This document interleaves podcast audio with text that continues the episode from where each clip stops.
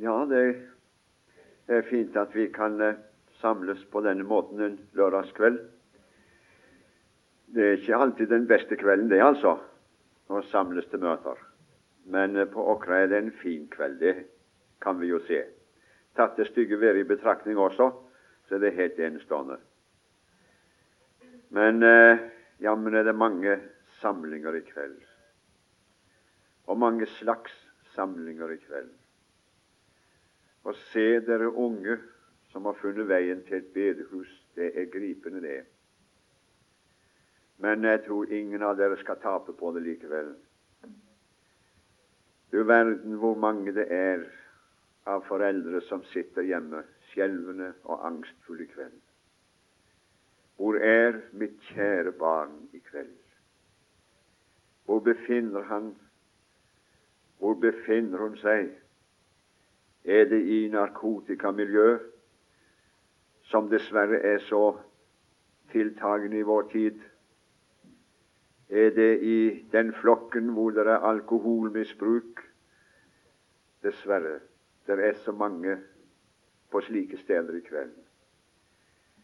Jeg håper at du eh, skal få en fin og god lørdagskveld, om du er ung eller du er eldre og at du kan få et møte med Gud i kveld. Det var det han så gjerne ville, for nå er han her, nemlig. Ikke noe mindre enn det. Gud er midt iblant oss. Og det han ønsker, det var å få et møte med deg. Ikke for å bebreide deg for noen ting. Det kunne han vel ha grunn til, kanskje. Ikke for å dømme deg, ikke for å slå deg, det er ikke det han vil når han skal møte deg i kveld. Der er han altfor glad i deg, skjønner du. Men når han kommer, så er det for å gi deg noe som du er i behov av. Han ønsker å velsigne deg, enten du tror det eller ei. Men det er Guds hensikt med dette møtet i kveld. Så vi gjør vel i å sitte åpen, vi gjør vel i å sitte mottagelig til det som Herren har å gi oss i kveld. Det var en fin åpning. Det var godt å bli minnet av det der, Einar Sjøen. Det var godt å se dere, høre dere i musikklaget synge og spille disse jeg har nesten sagt gamle og så fine evangeliske sangene. Jeg håper dere skal synge med. Ja, nå er det meg som bestemmer det der, altså, så det er jo veldig greit. I går kveld da leste vi et ord ifra Salmos ordspråk i det 16. kapittel. Og Der leste vi det 20. vers. Det har jeg lyst til å lese for dere også i kveld. Det er liksom et sånt uuttømmelig emne, det der, som vi har for oss i det verset. En kan liksom holde på i det uendelige, for det, det, det er formet slik, nemlig. Skal dere høre? Den som akter på ordet. Kan du huske det? Det var det vi leste. Den som akter på ordet, skal finne lykke. Og den som setter sin lit til Herren, er salig. I det trettende kapittel og i det trettende vers står det slik at den som forakter ordet, ødelegger seg selv. Kanskje det var noe av det vi så på i går kveld, når jeg nevnte om at det som var de to første menneskers ulykke i denne verden, det var nettopp om vi ikke skal gå så langt og si at de foraktet ordet fra Gud. Men i alle fall så aktet de ikke på Guds ord. For hvis de det hadde gjort, så hadde aldri den lure slange greid å forvrenge Guds ord for dem, slik som han gjorde det den gangen. Og det ble, ble til en ulykke ikke bare for dem selv, men det ble til en ulykke for oss alle, for hele Adamslekten. Det var noe av det som vi så på i går kveld I kveld hadde jeg lyst til å mer komme over på noe positivt.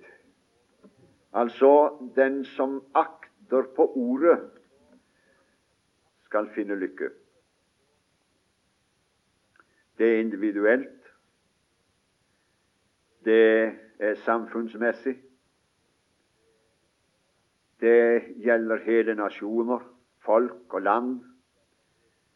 Dersom de akter på ordet fra Gud, skal de finne lykke. Og det har vi vel også mange beviser på, også det motsatte av de som forakter ordet rundt omkring i nasjonene, ikke sant? De har ikke høstet noe velsignelse av det, har de? Det var deres undergang, det var deres ulykke som det står, og som vi har sitert. Nå hadde jeg lyst til å minne om eh, en person eller flere i Bibelen som virkelig aktet på ordet fra Gud, og som oppfikk, fikk oppleve også lykken av det. Og det var ønskelig at det kunne være en appell til enhver av oss å følge deres eksempel. Jeg hadde da lyst til å minne først om en person som ikke er ukjent på Åkra. Han heter Simon til fornavn, og så har han Peters til etternavn. Simon Peter. Han er en kjent person, og mange kunne gjerne undres over at jeg skulle trekke en mann som han frem, han som vi har hørt i sin alminnelighet så lite fordelaktige ting om. Dessverre, jeg må si det. Når man taler om Simon Peter, så er det ofte de negative ting man trekker frem. Og så blir han ofte fremsatt i et lys som jeg ikke synes er Simon Peter verdig. Det er en person som har gitt meg mye, vil si å lese om ham. Og det har lært meg mye. Og jeg kan med en gang si dere også at hvis det er noen jeg har fått respekt for, så er det Simon Peter. Hvis det er noen jeg tar hatten av meg for, så er det han. Hvis det er noen jeg bøyer meg dypt i ærbødighet for, så er det nettopp han. Selv om vi vet hvor høy han var i hatten en gang da han sa om alle de andre forlater deg, Jesus, så skal i hvert fall én følge deg, og det er meg. Ja, om jeg så skal gå i døden med deg, så skal jeg ikke fornekte deg. Eh, han gjorde vel best i å ikke si slike ord, kunne vi si, for vi kjenner jo til hans slemme fall etter det som han sa der. Men eh, tenk også hva den beretningen har betydd for massevis av mennesker siden. Den Herre Jesus slo ikke hånden av Peter. Han måtte gjennomgå den skolen der for å bli det han egentlig ble. Det er det underlige. I Lukas evangeliets femte kapittel Det er forresten et vidunderlig kapittel, det. Det begynner veldig flott også. Det har mye å lære oss. Skal du høre så fint det begynner.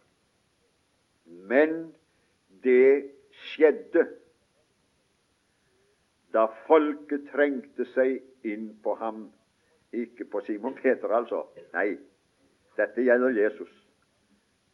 Det skjedde da folket trengte seg inn på ham og hørte Guds ord. Og han sto ved Genesaretsjøen. Det er det første verset i Lukas 5. Og jeg synes det har, det har som sagt lært meg en god del. Hva er det vi eh, steller med i vår virksomhet? Hva er det vi egentlig vil med våre møter? Vi ønsker naturligvis at det skal skje noen ting iblant oss. Og i sannhet, det skjer også. Det skjer veldig mye. Mye som ikke vi no noen tid kan greie å registrere. I kveld, på dette møtet, skal det skje store ting. Ja da, Men hva som skal skje, det, det vet ikke jeg, men her skal skje noe på dette møtet i kveld. Med hver eneste en, ung eller gammel, så skal det skje noen ting. Vet du hvorfor? For Gud er her. Guds ord er her. Den hellige ånd er til stede. Og der hvor Guds ord forkynnes, og Den hellige ånd er til stede, skjer det faktisk noen ting med enhver av oss uten at vi egentlig greier å registrere hva som skjer. Det bare skjer noe. Det skjedde noe i gamle dager. Og vi ønsker at det skal skje noe iblant oss. Jeg tenker på ikke noe mindre da enn at folk skal bli frelst. Det er det dere har bedt om igjen og igjen, også her på Åkra. Enn om Gud kunne slå igjennom en gang til. For her er så mange mennesker som bør vinnes for Gud. Å ja, det er vidunderlig å komme rundt omkring og møte forventningsfulle forsamlinger. Forventningsfulle menn og kvinner. Det er egentlig den typen som vi leser om her, skal du høre. Det skjedde da folket trengte seg inn på ham. Jeg har tro på den måten å virke for Gud. Og det fikk jeg oppleve igjen og igjen i alle de år jeg reiste som forkjønner. Nå hadde jeg nesten sagt nå reiser jeg ikke lenger rundt omkring slik som før. Jeg er blitt for gammel til det. Men derimot så kan jeg være på butikken om dagene. Og der synes jeg er deilig å være. Jeg kan, jeg kan si det. Uten at vi danser om gullkalven der, altså. Nei da. Men vi har en oppgave for Herren i evangelistens bokhandel. Og vi ser det som en stor og hellig oppgave for Herren. Men den gangen kan jeg huske hvor, hvor veldig stor forskjell det var fra by til by eller bygd til bygd. Det ene stedet de satt der så dorsk og så likegyldig og tenkte ja, det, det er godt at de kommer, og at de har møter og sånn. Men eh, merka godt i atmosfæren de, Det var ikke en flokk som venta egentlig noen ting. Nei da. Så kunne jeg komme til neste bygd, og der satt de våken forventningsfull. Ikke uten videre, altså. Men det var mennesker som egentlig kanskje i lang tid hadde trengt seg inn på Herren. Ja da, de er ofte forventningsfulle. Jeg skal forresten aldri glemme den første gangen jeg opplevde det der å være vitne til en mann som trengte seg inn på ham. Jeg var liten gutt den gangen. Det var en, en søndag. Nydelig vær var det sommersdagen. Og jeg var ute og rusla alene i utmarka, som det het. Det var da jeg hørte en mann som, som var i nød, faktisk. Han ropte. Voksen mann. Ropte. Han regnet ikke med at det var et menneske som skulle høre ham. Og jeg var også den eneste av mennesker som hørte, ja. Og Jeg ble redd til å begynne med. Jeg tenkte hjelpe meg, kan det være en som er falt utfor et eller annet sted og slått seg? Jeg, jeg, følte nesten trang til å løpe hjem, altså, i redsel.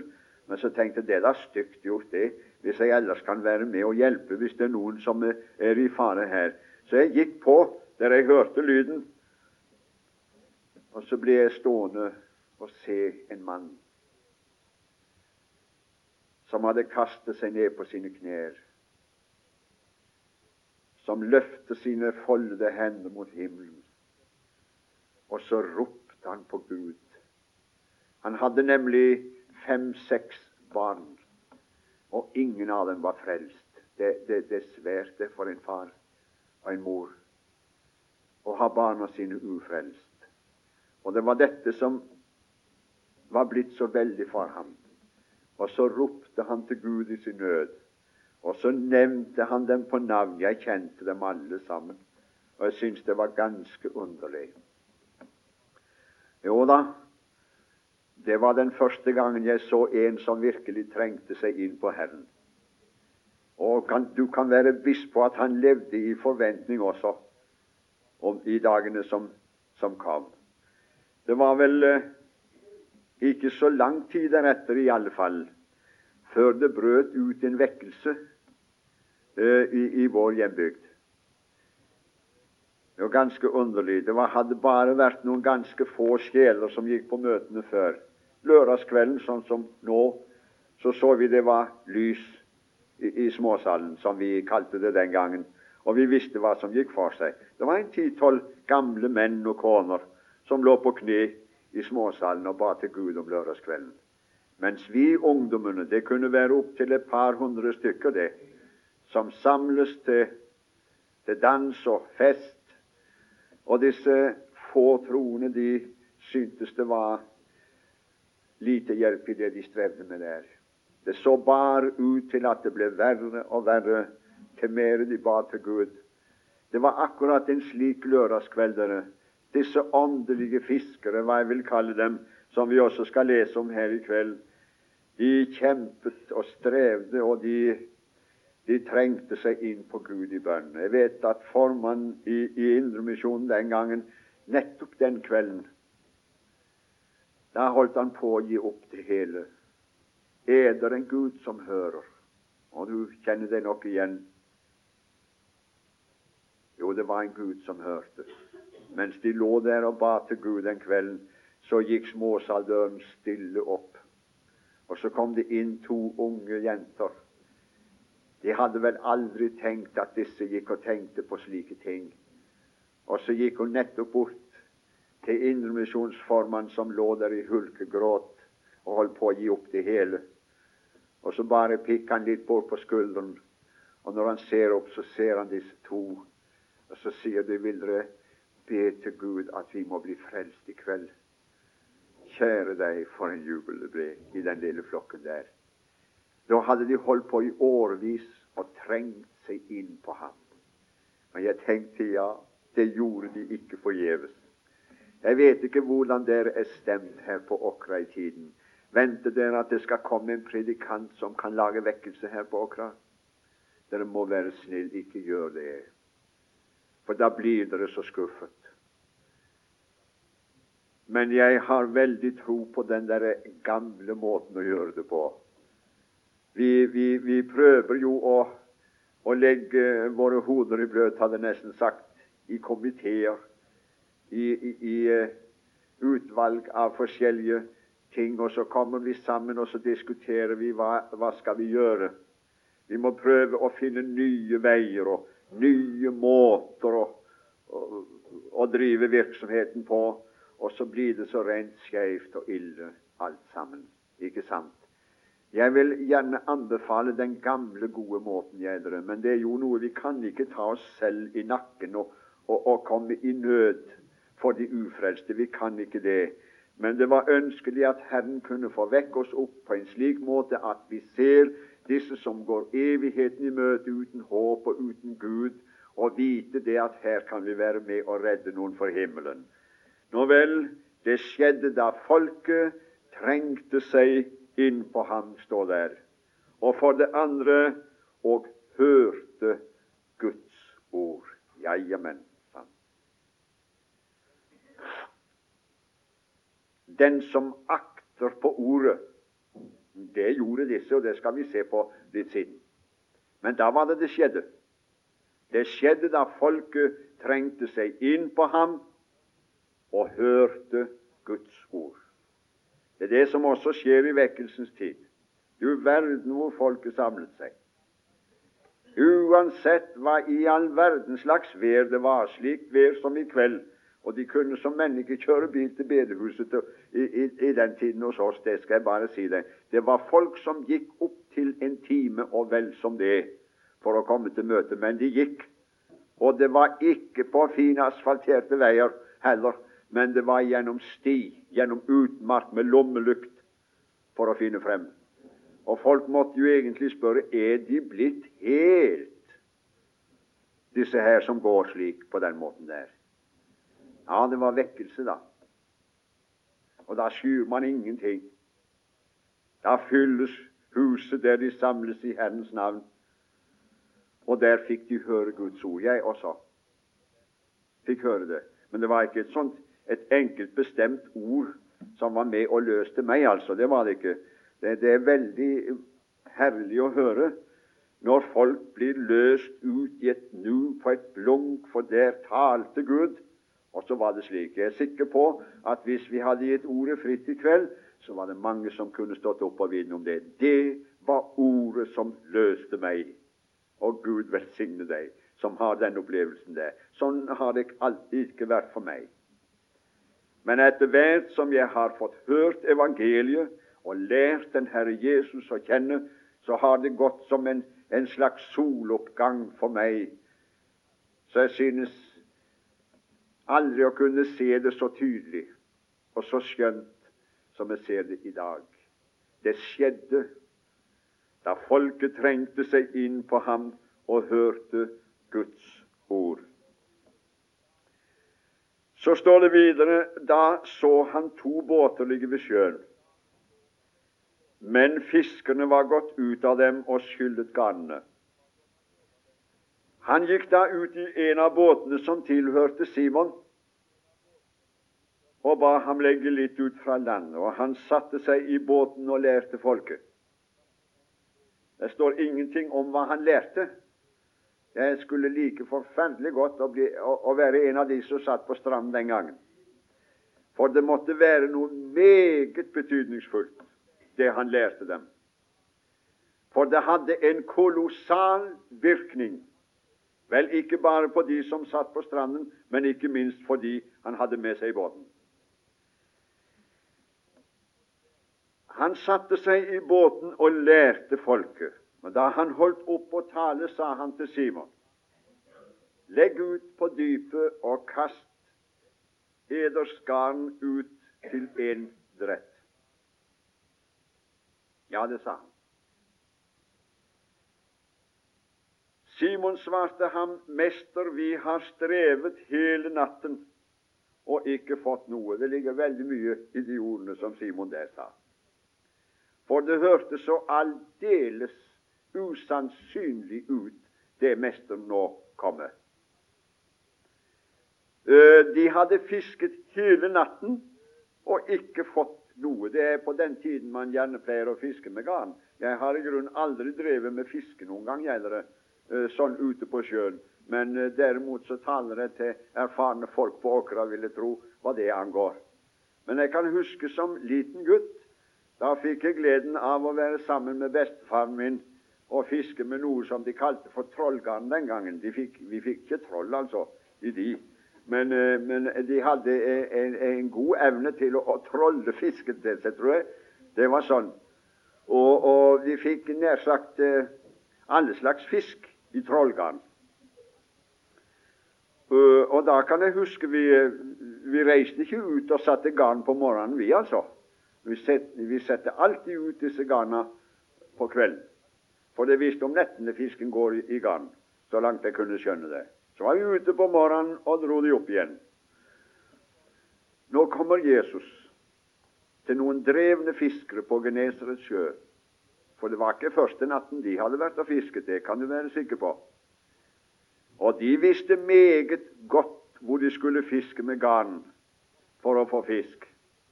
Men den natten, da hadde Herren styrt fisken også pent utenom hele garna deres, så de dro opp svarte garn og måtte reise hjem igjen. Og var naturligvis, naturligvis mismodig over det mislykkede fisket deres. Når Jesus kommer på stranden på lyse morgenen og holdt denne talen til dem, lærte dem og Du kan være ganske sikker det var ut ifra Guds ord også. Det var slik han lærte, og det var slik han talte til folket. Og når han da sier disse ordene i strålende solskinn, kunne man tenke der på formiddagen Nå, Simon, nå kan du legge ut. Ikke der som det var i natt, altså. Men dere skal legge ut på et sted som dere aldri har vært før. nemlig ut på dypet og kast eders garn. Det skjønner jeg i hvert fall. For det første er det helt uhørt å reise ut med garn midt på dagen.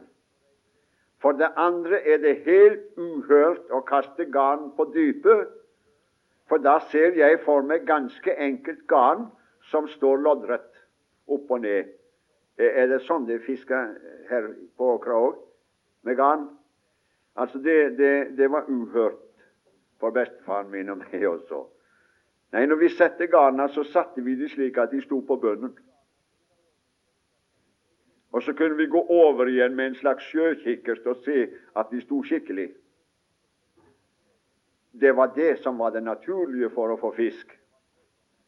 Men her kommer mesteren med noe som er helt uhørt. Så jeg kan godt tenke meg at Peter står der som med mange underlige tanker. Det er råd å høre at du ikke er vant til å fiske når du kommer med det som du kommer med nå. Legg ut på dypet og kast eders.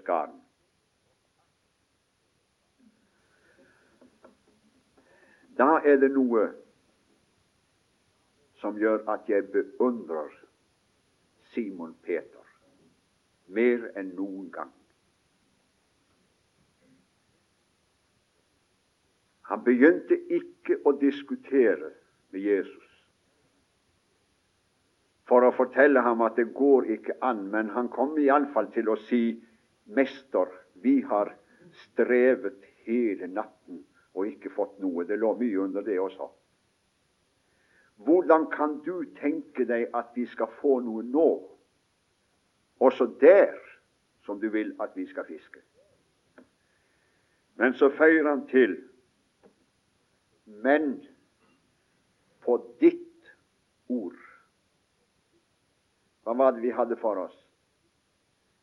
Vi hadde for oss et ord som lød slik Den som akter på ordet Tenk om folk kunne begynne å akte på ordet. Men på ditt ord vil jeg kaste ut garnet. Han måtte sette en strek over sine gamle opplevelser og sine gamle erfaringer og sin teori om hvordan man skal stelle seg for å fiske, og så måtte han la det stå til utelukkende og bare på Guds ord. Har vi tro lenger på Guds ord? Eller har vi tro bare på å arrangere noe og regne med at da skal det lykkes? Min venn, alle arrangement vil falle død til jorden om ikke det er ordet fra Gud som får utrette underet. Jeg husker det det var fortalt om Ole Halsby, professor Halsby. Han hadde en forelesning over ordet i Johannesevangeliets første kapittel og 13. vers. Det var min egen bror, han er forresten sogneprest, og, og han var den gangen på Menighetsfakultetet, og det var professor Hallesby som den gangen var headman der. Så sa han vi ble veldig sjokkert en gang når han hadde forelesning over det ordet der, for der står det nemlig og de er født ikke av blod, ikke av kjøttsvilje, ikke av mannsvilje, men av Gud. Så han kom inn på de, de forskjellige slags fødsler, og så kom han til å si dette. Jeg skal uh, reise hvor jeg vil i vårt land og lage vekkelser hvor jeg kommer. De satt helt lamslått. Det var da forferdelig at ikke du reiser. For det er jo egentlig det folk vil. Det er jo det de vil ha. Det er vekkelser. Ikke sant? Og mange de kan vel spekulere på om det der ville holde. Personlig så tror jeg at eh, han har bortimot rett i det han sa med den myndighet som Hallesby hadde, med den åndskraft den mannen kom med rundt omkring, med den tillit i folket, så tror jeg det at han kunne greie å få i stand mye rart. Både i bedehus og i kirker. hvis han ville gå inn for det. Og få folk til å bøye seg i massevis. Få dem frem til korset i massevis. Hvis han gikk inn for det. Men dere, etter han hadde sagt 'Jeg skal lage vekkelser hvor jeg vil', så føyde han til, men det hadde bare blitt en såkalt Hallesby-vekkelse. Og den slags vekkelser har vi ikke bruk for i dette land. Vet du mange ganger jeg er liven redd for hva vi kan greie å få i stand, som er kjøts vilje og manns vilje. Og så er det en slags erstatning. Og så blir det bare kunstige ting alt sammen. Min venn, hvis det virkelig skal skje noen ting, så er det ikke noe av det vi foretar oss av religiøse øvelser, men det er at ordet fra Gud fortrenger seg inn i hjertet. Det er det eneste gjenfødende middel som vi har. Det skjedde da folket trengte seg inn på ham og hørte Guds ord. Og det tror jeg skjer i dag også. Men da må ordet fra Gud, evangeliet om Jesus Kristus, forkynnes for folk, så de kan høre det som er til frelse for dem. Men på ditt ord vil jeg kaste ut garnene. Og dette gir oss anledning til å tale om mye. Ordet fra Gud som holder. Det er det bergfaste. Jeg husker jeg var sammen med uh, Ja, han var husfar på bibelskolen. Jeg har gått på bibelskolen, jeg skjønner du. Du kan vel høre det. Jeg gikk et helt kurs på bibelskolen i Bergen. Hele tre måneder. Det er ikke smått vi det.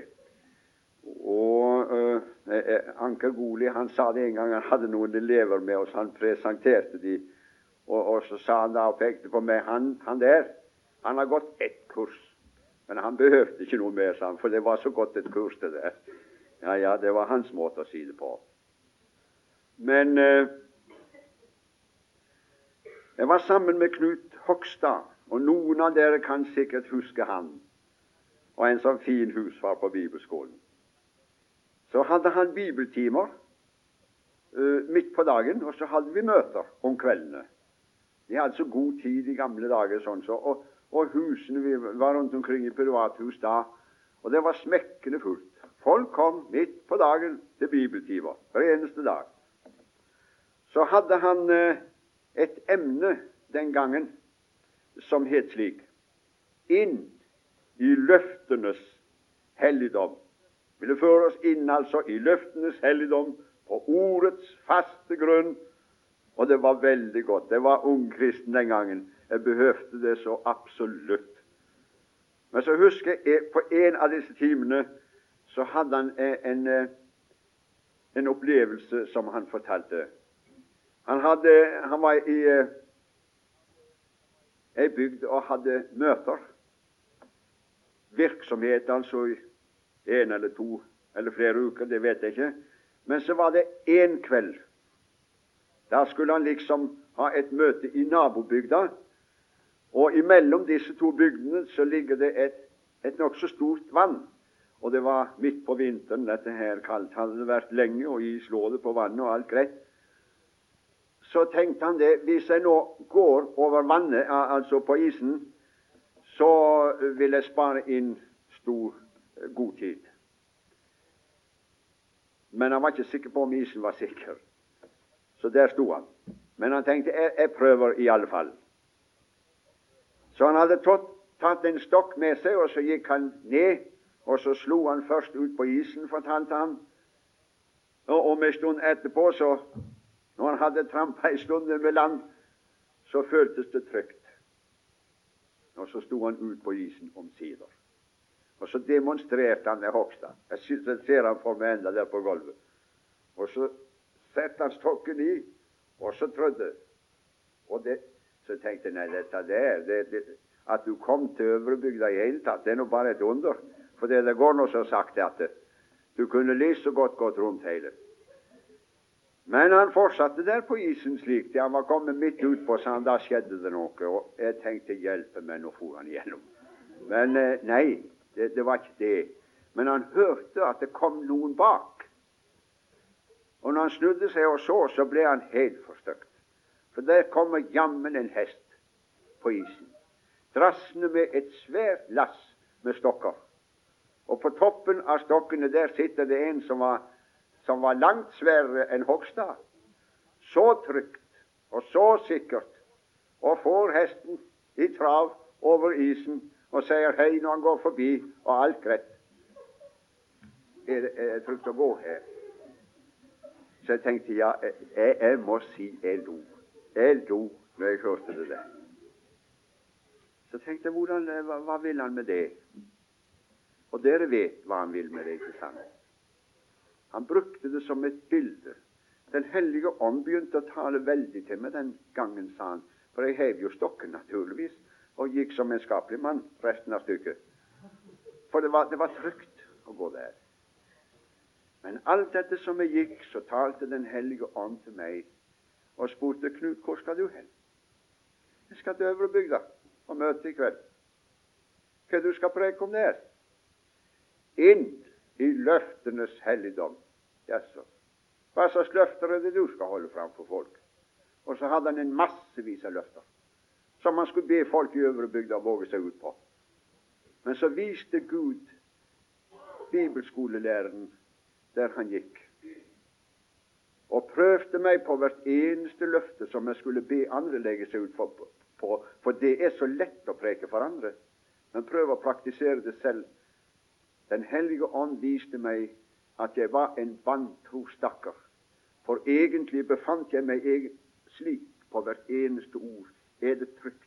Kan jeg våge meg ut på dette som Herren har sagt? Når jeg var kommet over på den andre siden, så måtte jeg kaste meg ned bak en stein, og jeg syns aldri jeg har vært så stor en synder for Gud, sa Hogstad, som den gangen. Tenk å gå her og være i tvil, slik som jeg er, på det som Herren har sagt. Det holder. Jesus hvert ord har beseglet den gang hans hjerte brast, mine venner. Du har fått et ord fra Herren, har du. Det holder. Det holder. Du kan være ganske viss på det. Jeg kunne gjerne også nå henvende meg til hvis det var en eller annen som ikke var frelst. Da har Herren talt til deg også. Jeg skal gi deg et ord som vi eh, ga på et spesielt møte. Kan jeg huske Vi var fem bibelskoleelever den gangen. Og det var ordet for vi ingen av oss kunne preke, nemlig. Men ordet det lød slik Og den som kommer til meg, vil jeg ingenlunde støte ut. Så vi vitnet om Gud, og vi sang og spilte. Og vi mente det for ramme alvor. Det var et ord fra Herren og det var masse unge mennesker som var på dette møtet her en søndag ettermiddag. Så innbød vi, sånn som vi vanligvis pleide å gjøre, hvis det er noen som vil ta imot Jesus nå, ta imot innbydelsen, skal du få oppleve at det holder det han har sagt, vil jeg ingenlunde støte ut. Alle gikk. Vi bibelskoleelevene vi tok også på oss og skulle gå. Jeg var kommet nederst så kommer det inn tre unge, fine gutter. De så frelst ut i mine øyne. Så eh, jeg snakket til de som det var troende gutter som kom. Jeg tenkte de kjenner sikkert noen av de andre her i, av bibelskoleelevene, så de skal vel hilse på de, men, men så stoppet de egentlig der hos meg. Og Jeg gjorde meg enda i stand til å gå. Så sier den ene ja, men eh, vi, vi, vi var tenkt å gi oss over til Gud i kveld, sa han, vi tre. Å, gida meg, tenkte jeg. Nei, det går ikke an, det. Nei, det ser da ikke slik ut. Det må da se litt annerledes ut, skal de gi seg over til Gud enn dette. Ja, er det ikke frelst? Nei, vi skal gi oss over til Gud i kveld. Og så sa jeg det til de andre. Det, bibelskoleelevene òg er, er tre som sier de vil gi seg over til Gud i kveld. Ja, sa de vi må, vi må be til Gud da. Og så bøyde vi oss, og så ba vi for dem, og så begynte også disse tre å be. Jeg ble mer og mer mistenkelig, altså, etter hvert som tiden gikk, og enda mer når de begynte å be. Det var ikke noe rørelse for to øre der. Ingen stemning og ikke ei tåre. Han, han, sa det så tørt, syns jeg, den første. Jesus, Jesus, nå kommer jeg til deg. Tar du imot meg nå? Så sa han ikke mer. Begynte den andre, så sa han, ja, nå kommer jeg òg, Jesus. Tar du imot meg nå? Og når den tredje hadde sagt det omtrent på samme vis, da kikket jeg på de andre bibelskoleelevene og tenkte jeg lurer på hva de tenker og føler i denne stund. Dette, dette, er ikke, dette er ikke riktig. Men du skjønner, de var ikke vant. De hadde aldri vært på vekkelsesmøter. De visste ikke at de måtte gråte skjønner du, når de skulle bli omvendt. Ellers så hadde de fått det til, kan du skjønne. Det er jo klart. Såpass kan vi jo. Men de var helt naturlig de hadde ganske enkelt hørt at vi vitnet og sa fra Gud at den som kommer til meg, vil jeg ingenlunde støte ut. Nå kommer Jesus. Tar du imot meg nå? Så naturlig som om Jesus var rett der, og han var der. Det kan du skrive opp at han var. Men de tok ham på ordet, for det hadde han sagt. Og Når vi da reiste oss opp, da skal jeg si det var en opplevelse for oss å åpne Bibelen og lese for dem. Der det var som ordet sakk i hjertet deres. Ja, for hvis han har sagt det, som det var ei ung jente i vekkelsen som vitnet om var så frimodig, og så leste hun det, og så avsluttet hun som regel vitnesbyrdene sine med å si Ja, for han har jo sagt det, sa hun. Og så satte hun seg. Ja da. Og siden dere var det mange som ga seg over til Gud.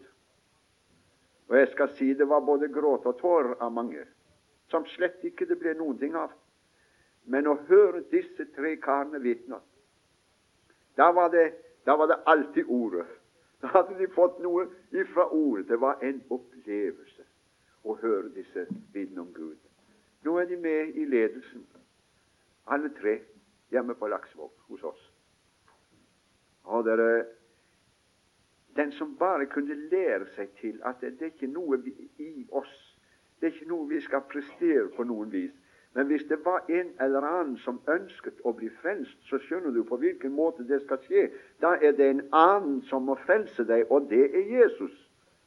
Det er ikke noen annen som kan det der, men han kan det. Og da, når han sier til deg i kveld Og den som kommer til meg vil jeg ingenlunde støte ut. Vil du prøve? Så siterer jeg igjen den som akter på ordet. Hva vil det si? Det er å gjøre som ordet sier. Prøv ham, og den som akter på ordet, skal finne lykke. Den som setter sin lit til Herren, er salig. Herre vår Gud, vil du fortsatt være oss inderlig nær i kveld? Og la ditt eget ord få komme på innsiden hos oss, så det kan skape hva det nevner. Hjelp oss, kjære Gud, vi som bekjenner oss som dine barn, at vi virkelig har fått våre føtter på fast og god klippe grønn. Og det er ditt velsignede ord. Det blir noen urokkelige kristne av slike. Og vi ber deg for den som sitter lengselsfull efter å få sin sak i orden med Gud. Han vet hvordan det skal skje. Han må ta deg på ordet i kveld. Du er der du innbyr, og Herre må det lykkes. Så skal vi love og prise ditt hellige navn. Amen.